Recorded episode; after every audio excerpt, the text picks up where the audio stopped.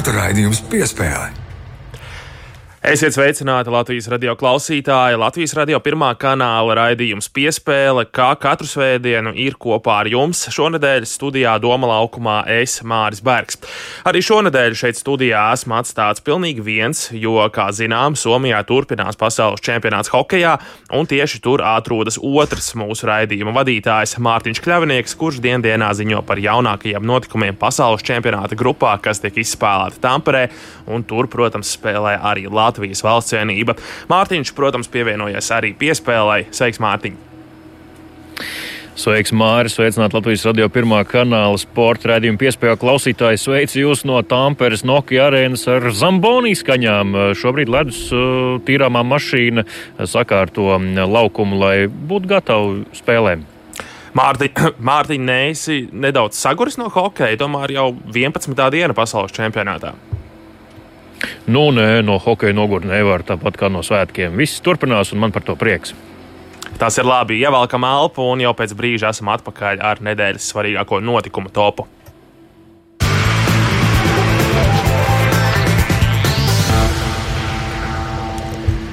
Sporta raidījums piespēle turpinās, eh, un laiks aizvadītās nedēļas spilgtāko notikumu topam. Un, protams, eh, nu, kas gan cits varētu būt apspriežams, eh, ja ne Latvijas hokeja izlases gaitas pasaules čempionātā.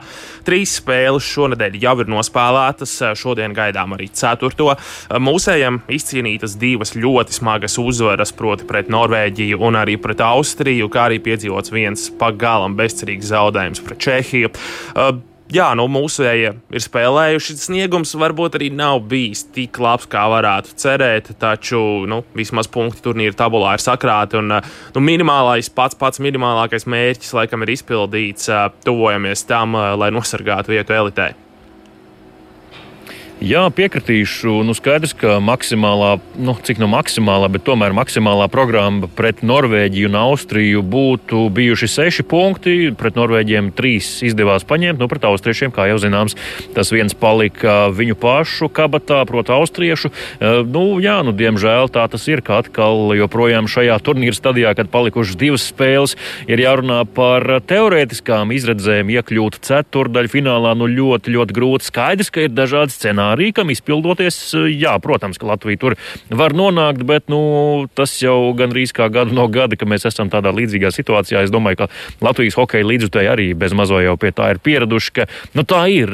Tāds ir šī turnīra formāts, un tik tiešām, ja Latvija nenospēlē žilbinoši, tad Alleži ir vai nu tā pēdējā izšķirošā spēle būt vai nebūt ceturtajā finālam, vai pat bieži vien ir jācer, ka konkurenti nospēlēs tā, kā mums ir nepieciešams, un tad ievadīs arī mūsu tajā tajā ceturtajā finālā papildus tam, ko paši jau esam izdarījuši. Nu, tā arī šogad nekas jau nav mainījies. Jā, nu šogad tiešām nekas nav mainījies. Visas Latvijas hokeja labākajās tradīcijās. Nu, tas scenārijs ir pavisam vienkāršs. Čehi pamatlaikā zaudēja savas pēdējās divas spēles. Mēs uzvaram šodien Lielbritāniju, un pēc tam otrdien uzvaram Zviedriju, un viss ir kārtībā. Mēs spēlējam ceturdaļfinālā. Tāds ir tas scenārijs, kam ir jāpiepildās. Nu, Čehu zaudējumi pamatlaikā teorētiski ir iespējami. Tas nav izslēgts. Mūsu uzvara pret Lielbritāniju neviens nesapratīs, ja mēs zaudēsim Lielbritānijai. Un beigu beigās ir Zviedrija. Ja citos gados pēdējā spēle pasaules čempionātā mūsējiem ir bijusi pret Vāciju, ir bijis, ir pret Dāniju spēlēts, arī pret Franciju ir spēlēts par to, lai neizkristu. Nu, ir bijis visādi. Nu, tās spēles ir vinnētas, ir zaudētas. Pret Zviedriju šogad uzvarēt nu, ļoti grūti būs.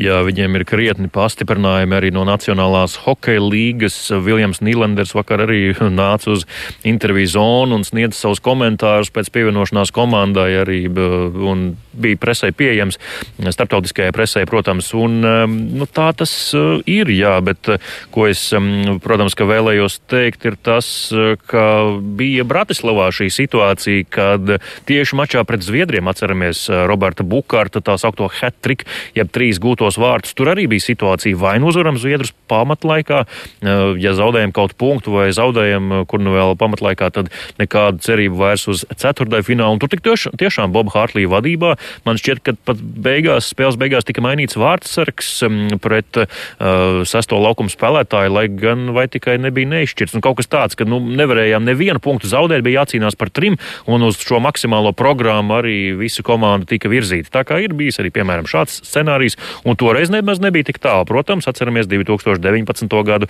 bija arī tomēr daudz um, izlasē pieredzējušāku spēlētāju sastāvā kopumā. Tā kā tas varbūt arī nosvēra tos kausus par labu tam, ka tā spēle bija tik cieša ar Zviedriem. Nu, Čehiem galu galā, nu, kā mēs te tagad arī runājam, nu, ja gadījumā viss nonāk līdz pēdējai spēlē pret Zviedriju, Čehiem jau arī nekāds cukurs priekšā nav. Viņiem ir divas spēles priekšā pret ASV un Somiju. Tur pilnīgi iespējami arī zaudējumi. Virzāmies tālāk. Teodors Bļūgers, diemžēl, neieradās palīgā Latvijas valsts vienībai. Gaidījām, gaidījām, diemžēl nesagaidījām. Mārtiņi, nu, varbūt tur pēdējo dienu laikā ir vairāk skaidrības viesies, kāpēc tā. Īsti nav, jo nu, skaidrs, ka čempionāts, kā arī spēlētāji ir izteikušies, ir tik dinamisks, ka to, kas notika vakar, īsti jau vairs neviens neatceras. Un tikko šis temats par Teodoru Bļugeru, nu, kā šī grāmata tika aizvērta, cietā mēs to vairs no plaukta nevilkām ārā un nepārlasījām, jo nu, viss tika pateikts jau nākamajā dienā. Rudolfs Kalvīts, Latvijas hokeja izlases menedžers, skaidroja situāciju, kā zvanīts, kad zvanīts un kāpēc zvanīts tieši varbūt konkrētos brīžos. Nu, jā, tā pēdējā saruna bijusi ļoti gara. Nu, tomēr Teodors nolēmis, um, ka šo pavasaru nepievienosies komandai. Un, kā jau es teicu, arī citos Latvijas uh, radio pirmā kanāla raidlaikos un raidījumos. Interesanti jau arī būtu, kā būtu, ja viņš, piemēram, būtu tajā pašā ceturtdienā sācis vai trešdienā kravāt mantas un tad lidojis un, un vēl aklimatizāciju un ieradies iespējams uz spēli pret Lielbritāniju šodien, un eh, nu, vai tas būtu tik liels pienesums viņš pēc nogurdinoša lidojuma pret Britiem un pret Zviedriem varbūt eh, tajā aklimatizācijas karstākajā punktā, ka tu īsti nesaproti, cik ir pulkstenis, galva griežās, viņam būtu jāspēlē, nu, vai viņš būtu tik ļoti noderīgs komandai, tas arī būtu liels jautājums. Tas tiešām ir liels jautājums, vai Teodoru uz divām vai trīs spēlēm tiešām vajadzēja saukt. Nu, spekulācijas var būt dažādas, kāpēc viņš nav. Varbūt tā ir trauma, varbūt kāda ģimenes apstākļi. Nezinu, kā tev, Mārtiņ, man tomēr ir sajūta, ka federācija kaut ko līdz galam nesaka un ka viņi paši tomēr iespējams kaut ko paši ir sabojājuši visā šajā pasākumā, kāpēc Teodors nav atbraucis. Viss var būt, eh, es nespekulēšu, bet jā, man katrā gadījumā ausīs iekrit arī tas, ko Rudolfs Kalvīts atzina, ka viņi ir zvanījuši Teodoram uh, sērijas laikā. Tas ir Nacionālās hokeja līgas tātad izslēgšanas spēļu pirmās kārtas sērijas laikā. Nu, tas tomēr nav labais tons traucēt spēlētāju šādas atbildīgas uh, izslēgšanas spēļu sērijas laikā. Turklāt vēl Stenlī kausā. Nu, varbūt tas bija tas šāviens garām iespējams, un ja Pitsburgas Penguins ģenerālmenedžeris vai kāds no viņu palīgiem par to ir padzirdējis, tad absolūti nebrīnītos, ka viņi arī pasūtījuši Latvijas izlases trīs mājas tālāk. Tas arī nav izslēdzams, kā ir. Tur to droši vien ir jāskaidro pašam Teodoram Blugeram. Cerams, ka viņš arī kādā intervijā vasaras laikā, starpsezonas laikā padalīsies, kas tad īsti notika šajās dienās pēc Stanley Kausa izcīņas noslēguma Pitsburgas Penguins komandai. Mārtiņ, šonadēļ, ne, nākamnedēļ Somijā arī vēl viens svarīgs not notikums paralēli pasaules čempionātam, proti notiek IHF kongress, un tur tiks izlemts, kur notiks nākamā gada pasaules čempionāts. Latvijai arī šis būs svarīgs lēmums, jo, kā zinām, Latvija pretendē kopā ar Somiju uz nākamā gada turnīru.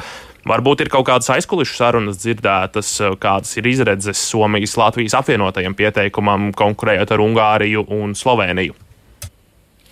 Es uh, dienā, kad Latvijai bija gaidām spēle ar Austriju, pavisam nejauši uzskrēja virsū Latvijas bijušajam Latvijas Hokeja federācijas ģenerālsekretāram, tagad Latvijas Hokeja federācijas valdes loceklim un arī uh, Starptautiskās Hokeja federācijas padomas loceklim Viesturam Kozjolam. Uh, jā, skaidrs, ka viņš šeit ir, lai piedalītos tevis minētajā kongresā nākamnedēļ. Uh, nejautāja viņam par izredzēm vai kaut ko tam līdzīgu, bet viņš teica, jā, ka darbs aktīvi norit tieši šī kongresa saistībā saistībā viņam arī bija ātri jāskrien uz viesnīcu, sagatavot vēl kādu prezentāciju, mm, ko parādīt jau konkrēti šonedēļ, tā kā darba process notiek. Nu, tas, kas ir zināms un ko mēs varam pavēstīt, un kas jau arī bija ziņu virsrakstos, ka Latvijas puse vismaz izglītības un zinātnes ministrija atbalsta šāda turnīra iespējamo rīkošanu, ja tajā nepiedalās ne Krievijas, ne Baltkrievijas pārstāvi nekādā līmenī, ne kā komandas tiesneši, rīkotāji, ne, nevienā līmenī nav pārstāvēti Krievi vai Baltkrievi, tad jā, tad par to var domāt. Nu, jautājums, protams, kā vienmēr, kur to naudu dabūt, jo tas būs dārgs pasākums, kā jau parasti. Jā, topā virzāmies tālāk. Latvijas basketbola līgas sezona ir noslēgusies. Vēfrīga kārtējo reizi čempioni, bet jāsaka tā, ka šī fināla sērija izvērtās krietni interesantāk nekā mēs ar tevi prognozējām, nekā daudzi basketbola apskatnieki prognozēja. Jā, divās spēlēs VF beigu beigās bija liels pārsvars, vairāk nekā 20 punktu pārsvars mača izskaņā, taču Vēnspils parādīja tiešām ļoti, ļoti labu pretestību, ļoti sīksti cīnījās. Arī arī piektajā finālspēlē, nu, varētu teikt, ka paši Vēnspilnieki izgāza to spēli divas minūtes līdz pamatlaika beigām, plus septiņi. Nu, VF, VF spēlētāji tomēr bija kaut kur augstasinīgāki. Vai tev izdevās arī paskatīties kādu no šīm izšķirošajām pēdējām spēlēm, jo zinām, ka otro spēli tu vēl lidostā skaties? Otro skatījos lidostā, jā, un bija priecīgs, ka Ventspils sagādāja intrigu, panākot viens pret viens.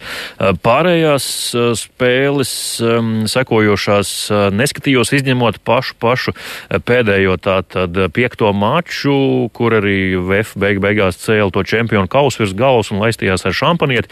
To es šeit, starp citu, Nokia arēna preses centrā tieši vēroju kopā ar citiem kolēģiem, jo tas noslēdzās īsi pirms um, Latvijas hokeja izlases spēles šeit pasaules čempionātā, un uh, pat Latvijas televīzijas darbiniekiem bija jāgaida, kad beigsies basketbols un kad varēs sākties uh, pirmspēles hokeja studija. Tā kā arī tā basketbols uh, ietekmē hokeju, jā, skatījos, un, nu, Māri, kā tu tur ir ar tām aitām un tiem cirpējiem, kur, kur tad tās aitas un kur tie cirpēji? Nu, tas ir labs jautājums. To mums droši vien Kristaram Zorikam ir jāpajautā, kas, kas tur īsti ir ar tām maitām un cirpējiem. Tāds ļoti interesants um, šis pēcspēles komentārs no viņa puses. Jāatcerās, Dāvis Melnis, Jākapils Lūšu libero spēlētājs volejbolā. Viņš pēc Latvijas kausa vai pēc superkausa fināla izteicās, ka RTU robežsardze komanda volejbolā ir uh, Jākapils Lūšu klienti. Nu, tas tā varētu arī būt, un tā var arī teikt, un viss ir kārtībā. Ko Kristers Zorigs šeit, jā. Jā, ko Kristers Zorigs šeit gribēja pateikt, nu, tas tiešām ir jāuzjautā viņam pašam. Nu, Vēnspils komandas darbinieki līdzitēji gan bija diezgan pamatīgi sašutuši par šo Kristera izteicienu, un nu, tiešām būs jālūdz, lai viņš paskaidro sīkāk, kas, kas ar to bija domāts. Jā, nu, sociālās saziņas vietnes Twitter vidē viņš jau uh, sacīja uh, arī to, ka vai tad vairs nedrīkst pajokot, bet, nu, man liekas, nu, skaidrs, ka emocijas bija viņu pārņēmušas un varbūt tur arī tie mm, uh, kontakti kaut kur apsūba nedaudz galvā un savienojas ne tajās pareizajās kombinācijās un, un um, no mutes izveļas kādi tādi vārdi, ko pēc tam gribas paņemt atpakaļ. Atceramies kaut vai Akselu Vairogu, kurš ir nolamājies pēc čempionu titulu izcīnīšanas sabiedriskās televīzijas tiešraidē. Bet, tas ir saprotams. Jā, jā, tas viss pieder pie lietas, bet šis teiciens, protams, tiem, kuri zina to, nu, tā nozīme ir nu, absolūti neiegulās kontekstā, un nu, tas nozīmē vienkārši, kur ir aitas, tur ir cirpēji, tas nozīmē, ka ir daži lēticīgie muļķīši, kurus pārējie paņem un tautas valodā sakot apčakarē, vai kāds kādu šeit apčakarē, un vai te bija lēticīgie, man šķiet, ka nē, tas, tas šeit šajā sērijā runa nebūtu nav par to, tā kā nu, nevietā izteikti vārdi. Jā, droši vien Kristers Zorigs vēlas, varbūt arī viņš gribētu šos vārdus paņemt atpakaļ. Tas vairs nav iespējams. Kā ir, tā ir. Redzēsim, kādi būs eh, šo komandu sastāvi nākamajā sezonā, kuri paliks, kuri dosies prom citviet spēlēt. Nu, varbūt tas piešķils tādu uguntiņu šīs koma šo komandu savstarpējām spēlēm nākamajā sezonā, bet tas viss jau rudens pusē, un līdz ar to izskan arī šīs nedēļas sporta notikumu tops.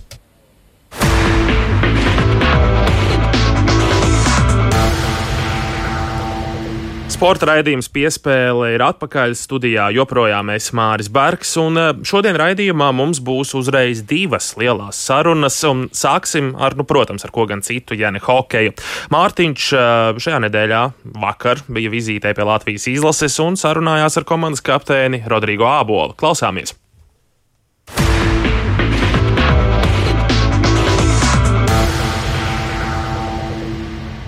Latvijas radio pirmā kanāla sporta raidījums piespēle. Mani sauc Mārtiņš Kļavnieks. Esmu atbraucis uz um, Skandika Rosendāla viesnīcu, kas ir Tamperē, un šeit uh, dzīvo arī Latvijas hokeja izlase. Un, uh, man ir tā brīnišķīgā iespēja pasēdēt un parunāties ar Latvijas hokeja izlases kapteini Rodrigo Ābolu. Sveiks, Rodrigo! Sveiki! Es te tā nācu, braucu, skatos, dzīvojat jūs kā dieva ausī. Mežiņš tepat blakus, svaigs gaiss. Uh, kā tev pašam iet pie sirds šādi apstākļi? Tādā ziņā, jā, viss kārtībā ir, ir nostākt no tā visa trokšņa. Laikam var teikt, ka centrā mēs neesam, bet arī centrs nav tālu. Ir, ir kur pastaigāt, ir var izvēlēties gar ezeru, gar mežu. Tā kā ir, ir diezgan patīkami un ir, ir diezgan mierīgi. Jums vispār ir, nu, braucot autobusā, kaut vai pa logu, paskatoties, ir kaut kāda tāda apjausma, cik tā pilsēta liela, cik aktīva, cik uh, pieblīvēta ar cilvēkiem, varbūt vai automobīļiem? Nu, nē, tagad, nu, pēc, pēc, kā, pēc viss, kas ir bijis ar Covid pandēmiju, ir, ir tāds prieks iet pa ielu un redzēt, kā visi bāriņi un visi restorāni ir pilni un cilvēki izklaidējās, socializējās un viss liekas ir atgriezies atpakaļ savās sliedēs, tāpat kā spēlēs. Ir, ir cilvēku pilns. Arī, arī šodien bija satiks iela un mazo. Viņi ir atbraukuši uz nedēļas nogalu un mēs aizgājām uz centru pārējais. Pilsētas ir pilns. Kā, cik liela, nu neliekās baigi lielā, bet nu, es saku, man jau ir ierasts, ierasts ir dzīvot. Uh, mazās pilsētiņās, kur viss ir tuvu un viss ir parocīgi. Man, man pašam personīgi Tampere ļoti patīk. Es teiktu, viņi klusāk kā zviedri, viņi somi ir līdzīgāk latviešiem. Man vismaz liekas pēc tās manierēm un pēc tās kultūras, ka viņi ir nav pieņemts, pavisam noteikti nav kā amerikāņi, kas nāk klāt un prasa, kā tev iet. Kā, nu, tas arī, arī man, kad pirmo reizi aizbraucot uz, uz Ameriku, man, man prasa, kā tev iet. Man bija tāds, ka kā tev starpība, tu esi kasieris, es esmu pircējs. Nu, tas ir pirmās reizes, man prasa, how you doing, un es tur sāku bez mazai savu savu dzīvi stāstīt. tad es saprotu, ka viņiem tas īsti neinteresē, ka tur ir good you un viss. Nu, tā ir vairāk tā viņa veida sasveicināšanās. Latvijas izlase arī nu, pirmais treneris tavā Latvijas izlases karjerā, kurš arī uzrunā komandu Latvijas vai ne? Nē, man bija kā Beresņos arī runāja, bija ļaus, kas varbūt tās netik daudz, bet nu, viņi bija, nu, tur bija varbūt tāds miks starp latviešu un krievu, jā, bet pēc Boba gadiem, kā saka, kad es atceros, bija uz pirmo nu, uz Olimpisko kvalifikāciju, jā, kad Haris bija sākumā ienākot ģērbtuve, kad ienāk un runā latviešu, tad bija tā, tā bija šī tā dīvaina likās, bet, nu, no, no vienas otras puses tas tagad like, normāli vajadzētu būt Latvijas izlasē latviešu runā. Tā kā, tā, tas bija, protams, tāds patīkams pārmaiņas, ka tev tiešām, ka tu jūties, ka tu esi mājās, ka tu spēlē un pārstāv Latvijas izlasi. Ko jūs esat paņēmuši no tā, nu, teiksim, Boba mācītā tā motivācijas acu priekšā dažādiem tādiem rīkiem? Es zinu, ka jums bija tie plakāti ar Raņa citātiem tajā pašā Herningā un, un arī, protams, Bratislavā, Rīgā. Tas joprojām ir? Nē, šobrīd, šobrīd mums ģērbtuvē virs, virs tiem, tiem krēsliem ir. Uh, no visiem iepriekšējiem gadiem un turnīriem ir uh, visādas bildes ar vēl joprojām esošajiem un bijušajiem spēlētājiem. Mums ir uh, Sandis pie sienas, Artūrs Irba, Kerčs, Fanduļs, tāpat kā arī tagadējie tur Elvis, Džere, tur vēl mēs esam. Tas ir, es, es godīgi nezinu, kas to izvēlējās, to taisīt, to dizainu, vai tas ir katram, katrai izlasē ir vienādi, to es nezinu. It kā, cik es saprotu, katru, katru gadu jau ir mums tā iedotā istaba un mums pasaka, lūdzu, dariet, dariet ko gribiet.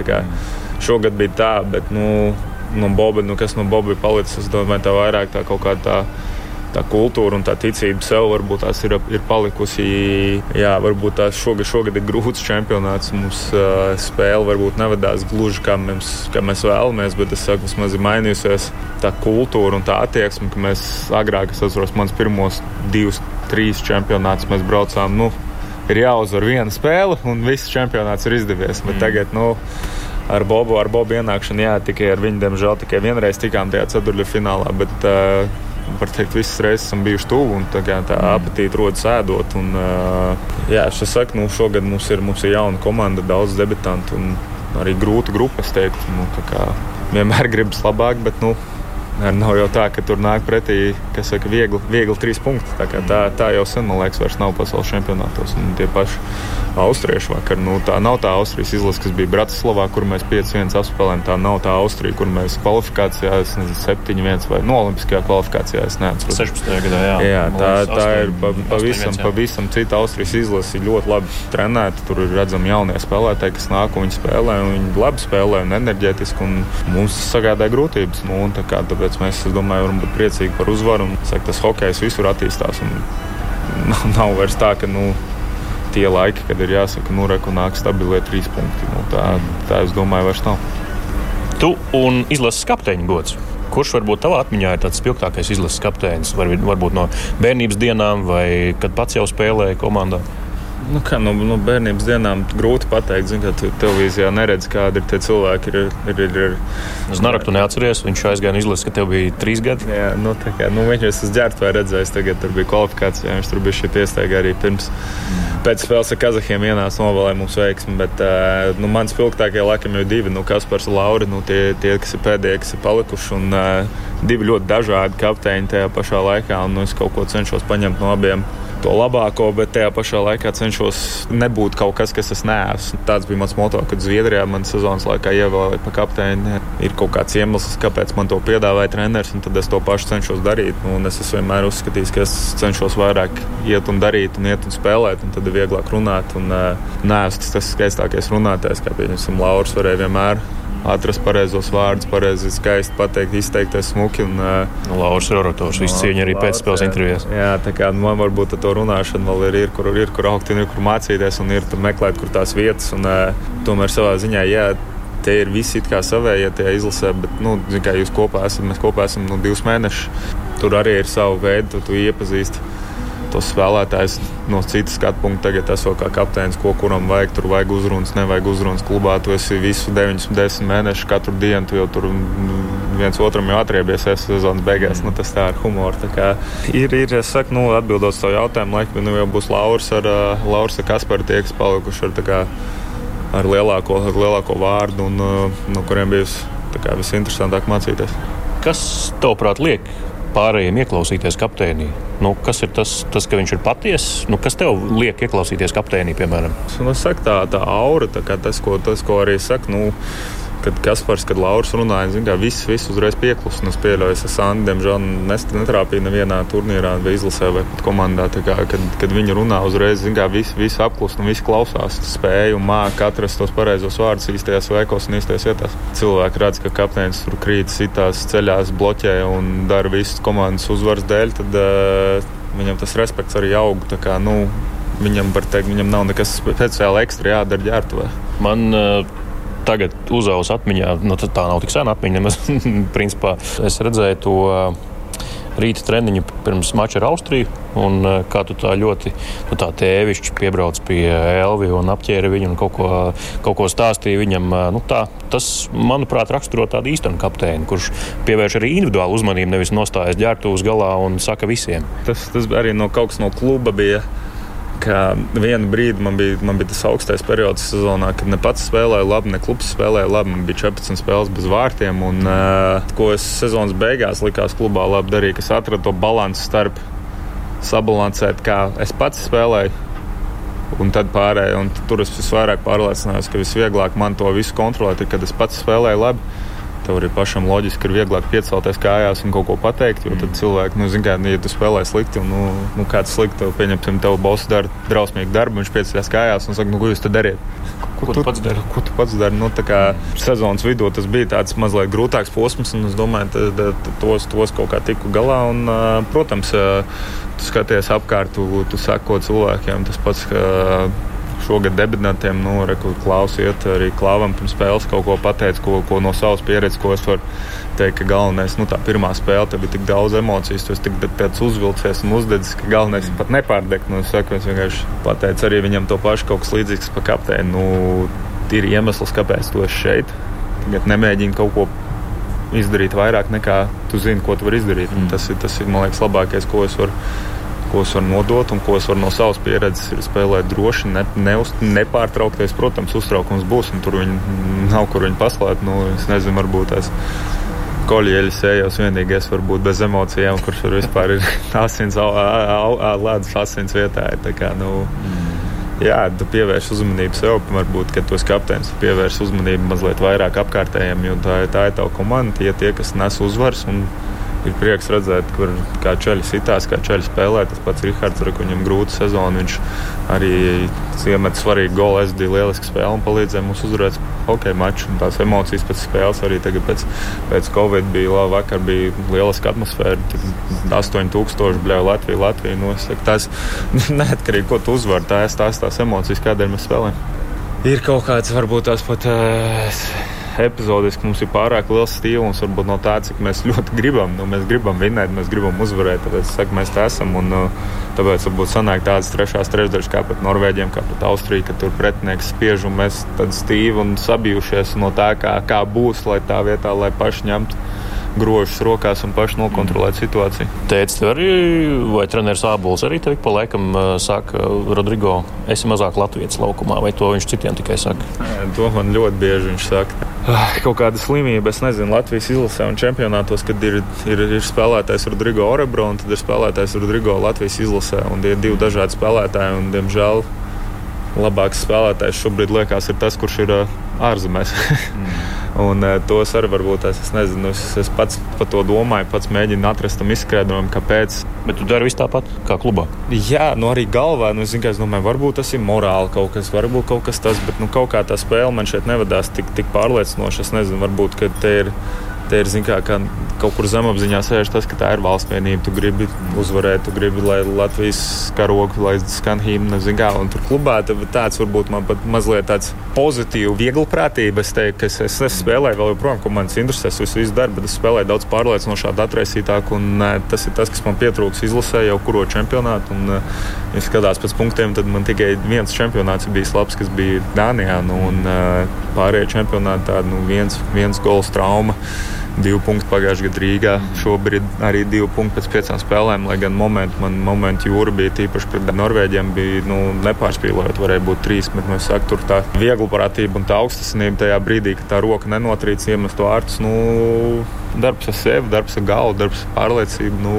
Klau, aizvadītais gads, ja mēs tā ņemam tos 12 mēnešus kā gadu, kā gadu griezumā, tieši pirms gada sākās pasaules čempionāts Rīgā, kas bija nu, manā karjerā noteikti. Es viņu tā iekavās lieku, kāds poguļots čempionāts, jo tāds diezgan manām dīvains, protams, salīdzinot ar visiem pārējiem. Tas bija tieši 21. maijā, jūs uzvarējāt Kanādu.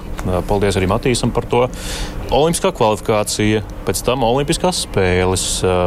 Pa vidu tu vēl kļūsi par kapteini klubā sezonas laikā, pirms tam tu kļūsi par tēvu. Nu, šis gads, šie 12 mēneši, nu, tādi ļoti, ļoti, ļoti blīvi. Kā tu tagad atceries to? Tagad, kad tu to nosauc visus notikumus, tad pēc tam noteikti ļoti, liekas ļoti blīvi. Man pašam personīgi, protams, daudz pozitīvu notikumu, sākot ar uh, dēla Leksiju piedzimšanu. Tas bija ļoti, ļoti patīkams notikums un ienāca, ienāca pasaulē cilvēks un iemācīja tādu mīlestību, tev, ko tu, es, man liekas, nekad nezināju, kas varētu tā mīlēt kādu. Un, uh, 7. augustā tev dzīve mainījās. Ja? Jā, jā tā kā, bet es saku, tas arī tur ir, nu, tas hokejs arī patraucēja mazliet tās, ka man bija Orebro jau gaidīja, jo viņi jau bija sākuši trenēties, un, un viņi saprata, ka loģiski, nu, kamēr sījot luņās, kur katru dienu ir jādzimst bērnam, tad man nesauks tur, nu, bet pagāja. Pagāja četras dienas, laikam, pēc bērna dzimšanas man bija jābrauc uz Orobrozu nedēļu, nospēlēja vienu spēli, atbraucu atpakaļ, bija burbulis Olimpiskajai kvalifikācijai, mm -hmm. atkal to es prom nospēlējām Olimpisko kvalifikāciju. Es laikam pusotru dienu biju mājās, un tad atkal uz sezonu jābrauc, jo pēc pāris dienām Zviedrijā sākas sezona. Tas bija pavisam noteikti grūti. Man, bet vēl grūtāk manai sievai. Es domāju, ka, kad tev uzreiz tikko tāda krāsa dzīve mainās, un es aizbraucu prom, bet nu, bija ļoti forši, ka viņi bija pie savas mammas dzīvoja. Tur arī ar, ar mammu un tēti viņai ļoti palīdzēja un atviegloja to dzīvi. Un tad, uh, pirmie divi mēneši sezonas viens pats, tikai kaut kāds FaceTime, tikai prasa, kā, ko tu pat nezini, kā, kā tev ir piedzimis bērns, bet es pat nezinu, kā ir būt tēvam. Nu, tas nedēļa, tas pabijis kopā. Digitālais teica. Nu, jā, bet nu, kas tas ir? Nu, tas jau nekas nav. Nu, tā kā, tā kā bija grūti, pēc tam noteikti. Un, bet tad, jā, pagāja tie divi mēneši, kad bija pietiekami vecs, visu papīru pasu dabūju, tad viņi atlidoja pie manis. Un, uh, Tad visu sezonu bijām kopā. Jau, tad, tad es iepazinu, kā ir būt tētim, ko, kas ir negulēts naktis un mm -hmm. ko, kas, ir, kas ir sabalansēts.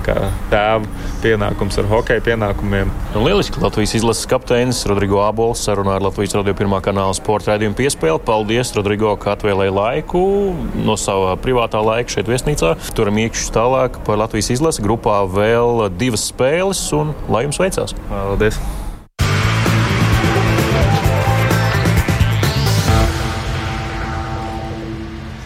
Tālūk, Rodrigo Abols sarunā ar kolēģi Mārtiņu Kļavinieku, bet netērēsim laiku un uzreiz pievērsīsimies raidījuma otrai lielajai sarunai, kas nebūs par hokeju, bet gan par koledžu, studijām un arī par pludmales volejbolu. Klausāmies sarunu ar Tīnu Graudiņu.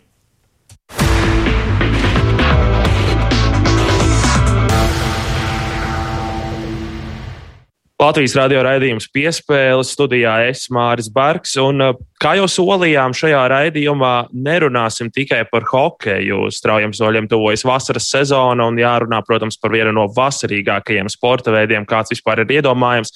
Tas ir pludmales volejbols. Tuvāko dažu nedēļu laikā vairāki ļoti lieli, svarīgi pludmales volejbola turnīri priekšā. Un šoreiz raidījumā viesojas viena no Latvijas vadošajām pludmales volejbolistēm, Tīna Graudiņa.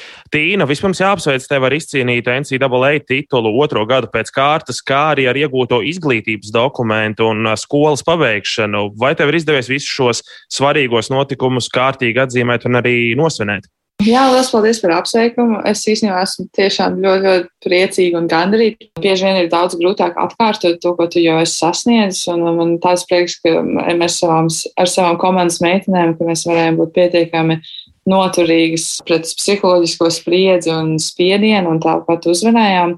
Tā kā, jā, mazliet ir sanācis nosvinēt, mēs mazliet, es dažas dienas paņēmu brīvas pēc turnīra, un uh, tagad jau esmu atpakaļ Latvijā un gatavojos nākamajām sacensībām. Droši vien vispār grūti iedomāties labāku veidu, kā noslēgt koledžas karjeru ar uzvaru visā čempionātā. Un arī nu, sezona jums ar pārnieci bija nu, dominējoša. 32 spēlēs piedalījies un 31 izcīnīja uzvaru, 30 uzvaru sērija. Tiešām fantastiski rezultāti. Beigas šim visam stāstam koledžu pludmales volejbolā ir tādas, kā iztēlojies sākot studijas pirms četriem, pieciem gadiem. Jā, šis tiešām ir bijis tāds kā sapnis vai nu, pelnušķīts stāsts gandrīz, vai, jo, jo tieši šādas beigas es iedomāties nebiju varējusi. Mēs ar Heiliju, manu pārnieci, šī man bija vislabākā sezona, kāda man jebkad ir bijusi manā koledžas karjerā. Un par to jau vien ir liels prieks, ka ir sanācis tā teikt progresēt. Un tad arī tas, ka man ir izdevies apvienot un sasniegt arī lielos mērķus ārpus koledžas sporta un tikt uz Olimpiskajām spēlēm, tas arī ir kaut kas neiedomājams. Tā kā noteikti visas, visi šie četri, pieci gadi Losandželosā man ir pārspējuši manas ekspektācijas noteikti. Kā zinām, lai tiktu koledžā, vispirms ir jāuzrāda labas sekmes šeit, vidusskolā, un pēc tam arī koledžā ir jārāda labas atzīmes arī tur uz vietas, kā ar akadēmisko pusi šo visu savienojot. USC ir top 10 labākā universitāte Amerikā, līdz ar to akadēmiskais līmenis tiek turēts ļoti, ļoti augstu. Un, un tas, ka mēs esam sportisti, mums netiek, dot nekā, netiek dotas nekādas atlaides. Tāpēc arī tieši par to politikas grādu, bakalaura grādu, es esmu ļoti gandarīta. Un, jo darbs bija, es ļoti daudz darba ieguldīju un enerģijas, lai, lai absolvētu. Un vēl prieks par to, ka es absolvēju ar izcilību, kas ir īpaši patīkami. Kā, jā, tas tikai apliecinājums tam, ka sportā, it īpaši pludmales volejbolā, tā galva un smadzenes ir ļoti, ļoti vajadzīgas. Tāpēc arī mācīties labi ir svarīgi. Man ir prieks, ka man tas ir izdevies ļoti labi. ASV koledžas pēdējā laikā atkal kļūst par tādu ļoti populāru virzienu jaunajiem Latvijas sportistiem. Turklāt tas notiek dažādos sporta veidos. Gan klasiskajā volejbolā mums ir sportisti, gan basketbolā, arī hokeja. Tavuprāt, arī pludmales volejbolistiem šis virziens doties uz Ameriku un studēt koledžās, tas ir tāds pareizais un labais attīstības solis, kā, kā iet uz priekšu, augt gan kā sportistiem, gan arī kā personībām. Tas noteikti ir viens no variantiem, ko vidusskolēni var izvēlēties. Es esmu katrā gadījumā ļoti priecīga un pateicīga, ka es izvēlējos tieši šādu ceļu, jo tā attīstība, kā man kā cilvēkam, tīri kā izaugsmes ziņā, ir bijusi milzīga. Un uh, es spēju spēlēt visu cauru gadu ar gatavu komandu un treneriem, kas ir uh, vienkārši jebkurā brīdī katru dienu gatavi tevi trenēt. Tāpēc tas ir ļoti izdevīgs variants, ja izdodas. Uh, iegūt pilnu stipendiju, tad tas ir noteikti ļoti labs variants. Bet nu, tas vienīgā puse ir, ka tas ir ļoti dārgi. Līdz ar to, ja neizdodas iegūt pilnu stipendiju, tad ir, tad ir gandrīz neiespējami tur doties. Kā noprotams, pēc tava ieraksta sociālās saziņas vietnēs, tad arī tavas skolas gaitas vēl turpināsies un ir mērķis iegūt arī maģistra grādu. Jā, es uzsāku savas maģistra studijas janvārī, un vēl ir palikuši trīs semestri, lai es pabeigtu grādu. Un, es esmu, jā, tas ir mērķis, tāds personīgs mērķis, ko es vēlētos sasniegt, un es domāju, ka es to arī izdarīšu. Bet tieši šī programma ir pilnīgi attālināta online, līdz ar to es varēšu to ļoti labi apvienot ar pludmales volejbolu. Šis būs mazliet cits virziens, kas tomēr ļoti labi papildinās manu politikas grādu. Šis angļuiski saucas communication management, latviešu varbūt strateģiskā komunikācija, neesmu īsti pārliecināta, bet uh, man ļoti patīk, ka šis, uh, šī programma pievēršas mazliet dziļāk tieši biznesa aspektam un komunikācijai uh, biznesa pasaulē, kas ļoti labi varētu saskanēt ar manām politikas zināšanām. Tas ir tieši tā burvība Amerikas eh, koledžu sistēmā, ka viņi spēj apvienot un uh, visi treniņi tiek tomēr pakārtoti skolai, jo skola ir prioritāte. Un, uh, un līdz ar to mēs esam vienkārši ļoti labi disciplinētas un uh, laika menedžments mums ļoti augstā līmenī, lai visu to paspētu. Jo mums šis NCAA fināla turnīrs notiek tieši eksāmena laikā, eksāmena nedēļas laikā, tāpēc tas ir tā jau ir pierasts, ka ceturto gadu pēc kārtas ir gan mācībās viss saspringtākajā nedēļā, gan arī volejbolā saspringtākā nedēļa. Tāpēc, jā, nu, vienkārši nu, nav variants. Ne, nevar neizdarīt. Līdz ar to vienkārši tāda, kamēr tas ir izdarīts abos, abās jomās. Kā, uh, tur tādas nu, atrunas īsti nevar uh, ne, nestrādāt. Koledžām ir vēl viena īpatnība, un tas ir saistīts ar sponsoru līgumiem. Agrāk reklāmas bija tikai uz Nāsķas formas. Vai tu joprojām nedrīkst neko reklamēt un arī saņemt atalgojumu, vai tomēr studējot maģistra līmenī šis, šie nosacījumi ir pamainījušies? Nē, sa, nav, tas nav saistīts ar maģistru vai bakalauru. Tas ir vienkārši saistīts, vai tu spēlē pārstāvi universitātes sportā vai nē.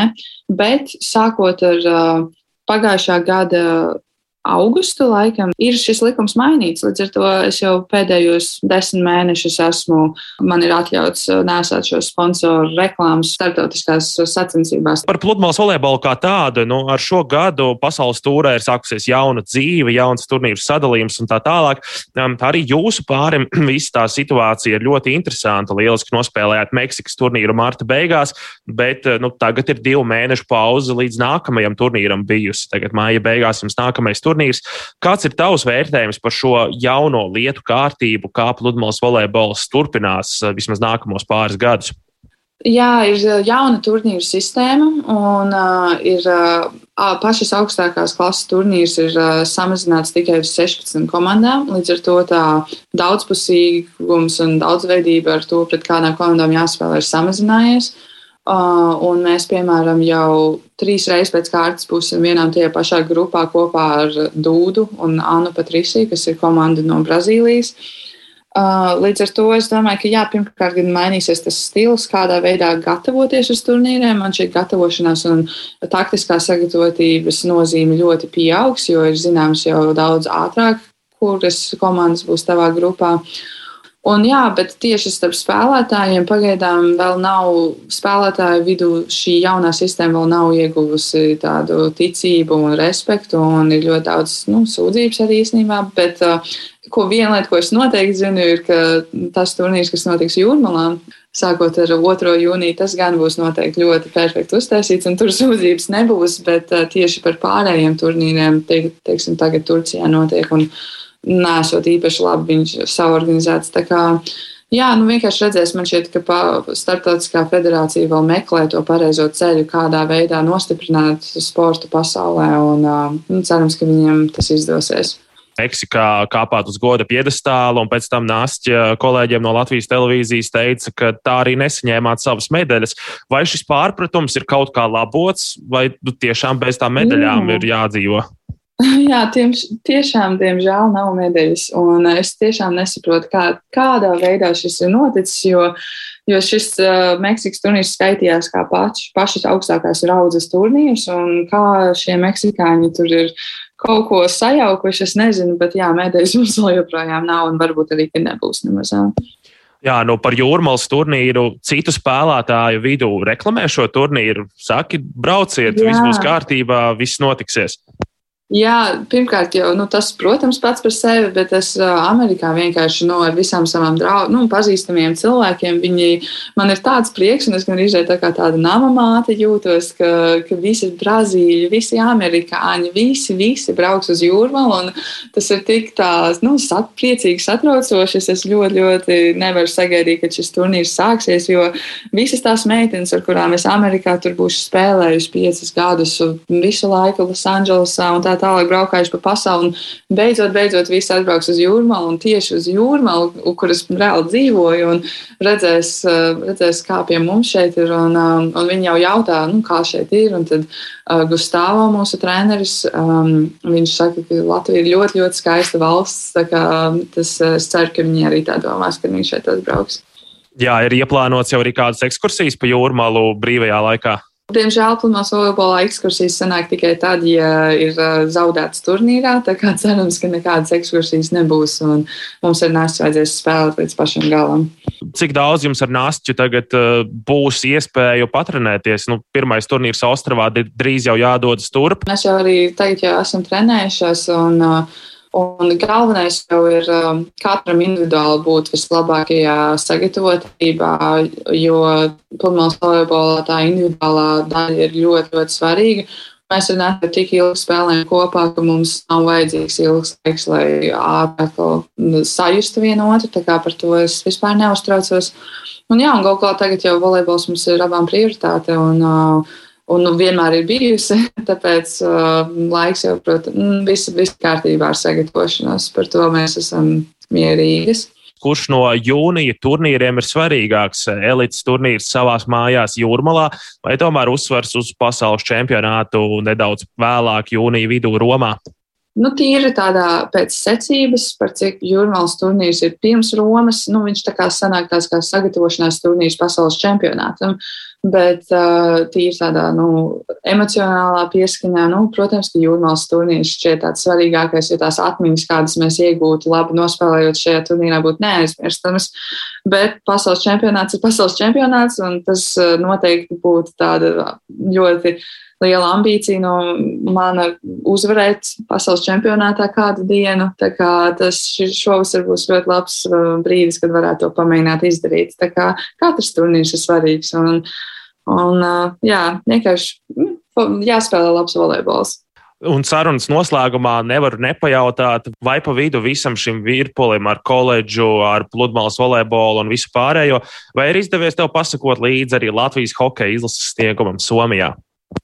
Jā, man brālis ir eh, vislielākais fans. Līdz ar to viņš visu mūsu ģimeni tur ļoti lielā gatavībā skatīties katru spēli. Mēs noskatījāmies eh, līdz pat būlīšiem, tāds prieks par latviešu komandu. Un, eh, jā, galvenais viņiem arī turēt to ticību un cīnīties tālāk. Un, Un es domāju, ka jā, viss ir kā jau nu, tāpat tā kā visā sportā. Viss ir gan ne tikai tehniskajā izpildījumā un fiziskajā, bet arī galvās. Un galvenais vajag to noticēt un vienkārši iet uz pilnu banku. Tā kā jā, hokejs ir vienmēr bijis ļoti interesants sports, ko pastīties. Jā.